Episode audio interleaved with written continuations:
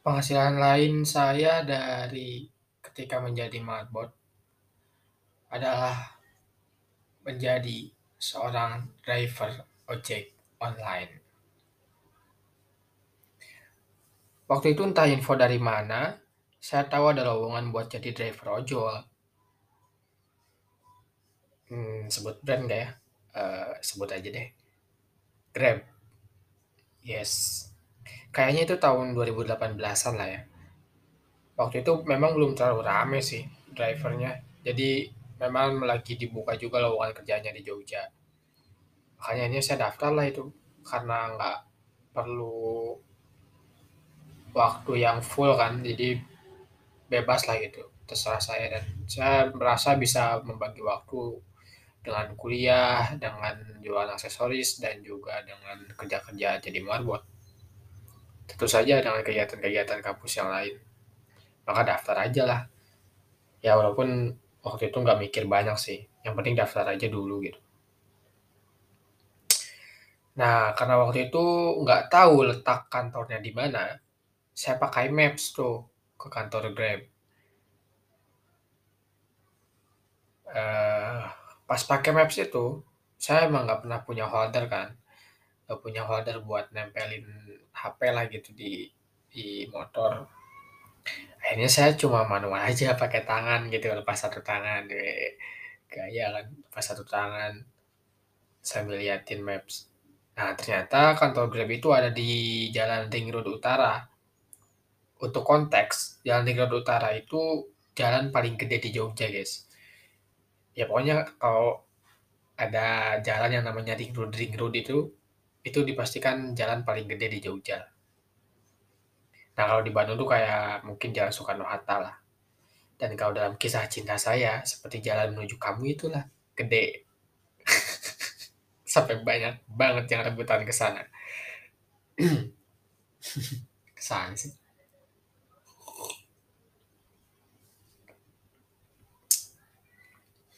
Nah, tahu sendirilah di jalan gede itu kendaraan bawahnya suka tiba-tiba kayak balapan gitu. Swing, swing.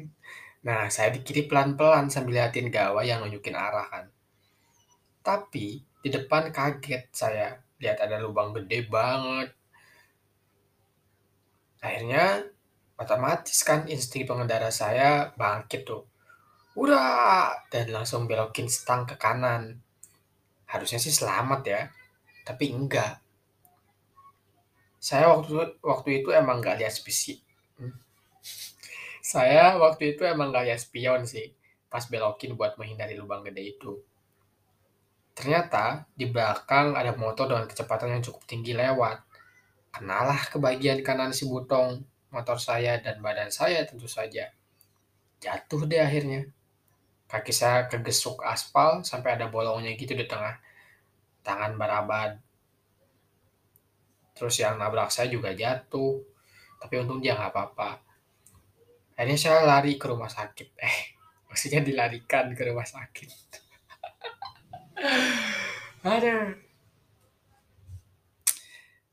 Uh, Oke okay lah, kita cerita tentang kerja cerita tentang saya kerja sebagai driver ojolnya kita kesampingkan dulu. Saya ingin lebih fokus untuk cerita awal mula saya daftar dan kemudian malah kecelakaan di kota orang.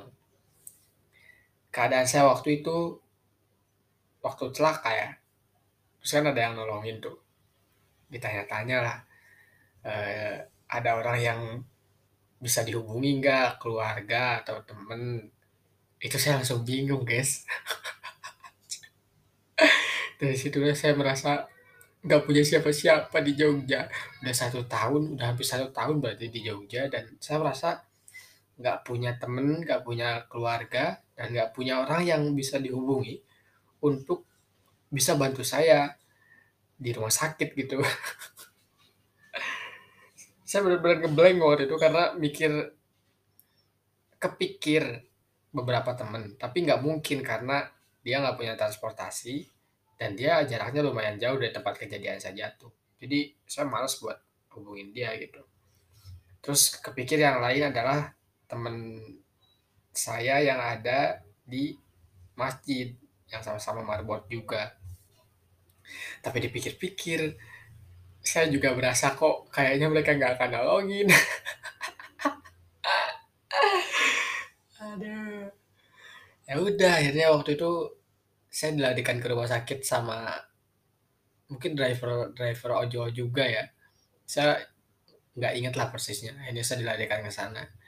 Ke rumah sakit dekat eh, dari Utara juga. Saya lupa juga nama rumah sakitnya apa waktu itu. Tapi dikala kritis itu, walaupun lukanya ya ya emang lumayan sakit sih, tapi saya masih bisa jalan meskipun eh, jengkel-jengkel lah gitu jalannya kayak orang ya biasa orang sakit itu. Nah dalam keadaan kritis itu saya malah ingat kejadian waktu saya juga pernah jatuh dari motor waktu bareng si Babe menuju pesantren saya di Kabupaten Bandung Barat.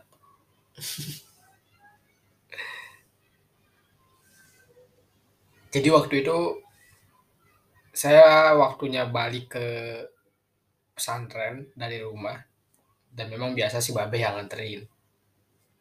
Nah waktu si Babe kemudian nganterin saya jarak dari rumah ke pesantren itu lumayan jauh jadi ada ada dua jam mungkin lah. Normalnya ya dua jam lah.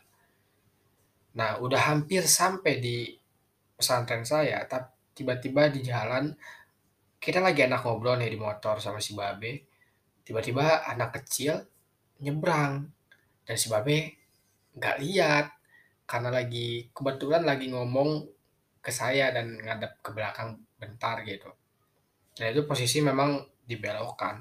Jadi akhirnya pasti anak itu melintas tuh Babe saya kaget kan. Akhirnya dia menjatuhkan diri ke kiri gitu. Itu sampai benar guling guling guling guling lah. Lumayan lah. Kaki saya baret-baret tangan juga sama si Babe juga sama. Pokoknya dalam keadaan itu saya dan si Babe juga sama-sama luka lah. Sama-sama sakit juga. Waktu itu kemudian ada yang nolongin. Diam dulu sendiri di eh diam dulu di warung dikasih minum dikasih eh, tempat istirahat gitu. Tapi si Babe kemudian juga nelpon keluarga kan di rumah gitu bilang kalau dia tuh sakit eh dia jatuh gitu sama saya. Nah habis kayak gitu bukannya malah minta eh, keluarga saya buat jemput dan anterin ke rumah sakit. Tapi si Babe malah minta buat udah tunggu aja di rumah sakit Cibabat Cibabat itu di daerah Cimahi Dan itu lumayan jaraknya dari pesantren saya, dari tempat saya jatuh sama si Babe itu. Ya mungkin ada satu jam lah gitu ke tempat itu. Saya juga nggak ngerti kenapa si Babe harus, kenapa nggak minta tolong aja buat dianterin gitu. Mungkin karena dia merasa bakal lama ya kalau nungguin gitu. Akhirnya dia malah nanya ke saya, Boy masih kuat eh, jalan nggak katanya. Ya udah saya bilang kuat aja, kuat. ya udah tunggu ya udah tunggu ya sambil ya pokoknya si bapak bilang nenangin saya buat yuk kita pergi aja ke rumah sakit gitu. Tahanlah gitu sakitnya. Oke saya bilang. Ya udah kita jalan lagi tuh. Saya jalan lagi berdua sama si babe pakai motor ke rumah sakit Cibabat. Waktu sampai di rumah sakit eh, udah ada banyak keluarga yang nunggu di sana dan langsung bopong saya dan bapak saya ke masuk ke ruang perawatan. Dan ya banyak yang heran lah banyak yang heran dengan kelakuan si Babe yang aneh lah gitu. Udah tahu celakaan eh malah masih mau ngambil eh masih mau bawa motor sendiri gitu.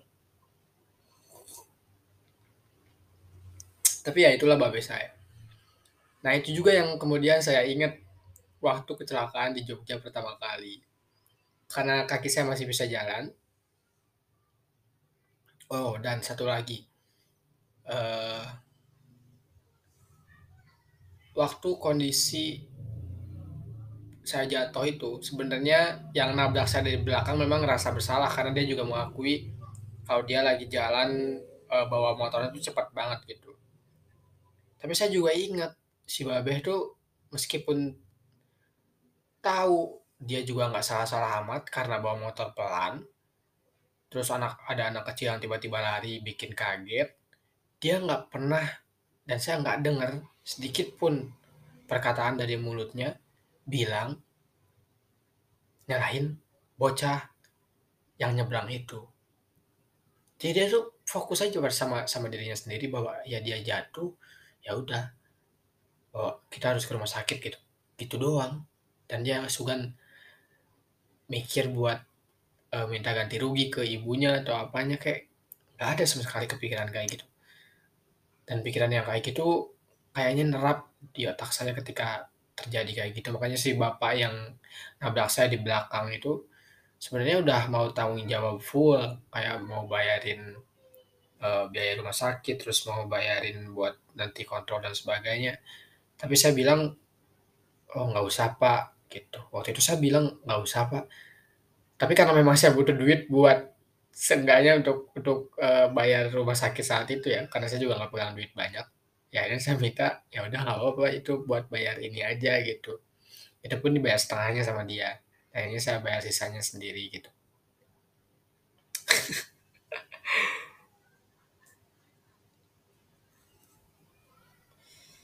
dan ya gitu lah saya juga nggak mau nyalahin si bapaknya karena saya juga ngerasa salah saat itu karena memang lagi main HP juga kan. Jadi nggak nggak teliti lah gitu. Eh nggak fokus jalanin motor. Jadi saya sangat mengapresiasi si bapak itu yang justru merasa bersalah. Meskipun ya nggak se semua itu salah dia gitu. Tapi dia juga mau tanggung jawab. Makanya saya makin luluh aja untuk nggak minta tanggung jawab dan duit ke dia gitu ya udahlah akhirnya saya waktu itu juga tadinya si bapaknya juga mau minta eh mau anterin saya ke ke masjid gitu. Tapi saya bilang nggak usah mbak. Eh nggak usah pak. Saya udah bisa jalan walaupun jalannya ya harus singkat-singkatan gitu. Tapi saya masih bisa jalan lah gitu. Masih bisa kendarai motor juga. Makanya setelah dirawat dan ya dapat perawatan gitu akhirnya saya menjalankan motor saya kembali sendirian dan langsung saya nggak pikir nggak kepikir buat balik tapi saya lah balah. Saya malah langsung daftar Grab lagi. Karena kebetulan kejadian waktu saya jatuh itu memang dekat dekat kantor guys sebenarnya. Cuma paling cuma berapa ratus meter lagi lah ke kantor Grab itu. Makanya waktu itu saya nanggung lah daripada udah jauh-jauh juga kan. Oh termasuk waktu itu kan karena pendaftaran pendaftaran itu ter, terbatas kan waktunya. Jadi saya harus daftar hari itu juga. Makanya waktu itu saya putuskan untuk ya udahlah toh masih bisa jalan. Saya sekalian daftar aja. Akhirnya saya daftar tuh ke kantor Grab dalam keadaan kaki baru diperban dan baru jatuh dari motor. Paling si mbak-mbak yang jadi customer service-nya agak bingung juga ini orang kenapa katanya kok cingket-cingket dan datang mau jadi driver motor anjir.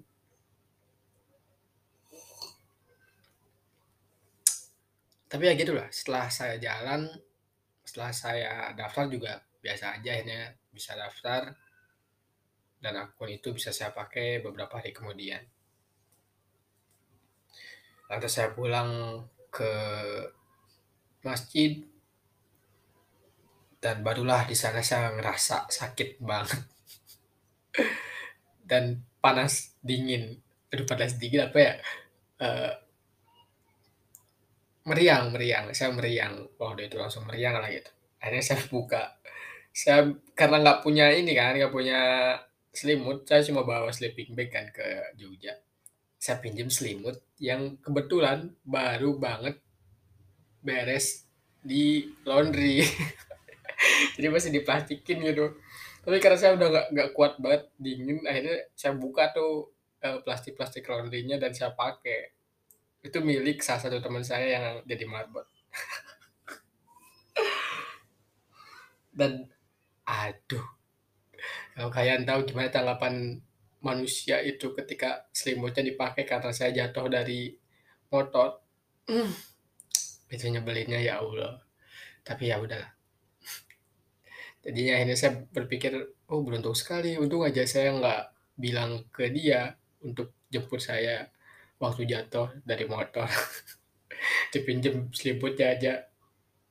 Ah, males. Gitulah. Itu pengalaman pertama dan nggak terakhir sih, pengalaman pertama saya jatuh dan cukup parah di kota orang. Momen yang saya ingat saat itu bukan eee, hal-hal buruk, tapi hal-hal positif dan menyenangkan jadinya. Karena ingat juga kejadian waktu jatuh bernasi babe, walaupun rasanya sakit, tapi sudut pandang saya sudah berbeda menghadapi musibah-musibah yang terjadi saat itu. Rasanya nggak terlalu sakit karena pikiran saya positif gitu menghadapi hal-hal itu. Gitulah. Mari kita lanjutkan di episode berikutnya tentang bagaimana saya menjalani profesi sebagai Grab driver. Bye.